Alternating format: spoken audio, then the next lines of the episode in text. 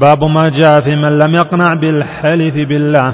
عن ابن عمر رضي الله عنهما أن رسول الله صلى الله عليه وسلم قال لا تحلفوا بآبائكم من حلف بالله فليصدقهم ومن حلف له بالله فليرضى ومن لم يرضى فليس من الله. رواه ابن ماجه بسند حسن. فيه مسائل الأولى النهي عن الحلف بالآباء الثانية الأمر للمحلوف له بالله أن يرضى الثالثة وعيد من لم يرضى.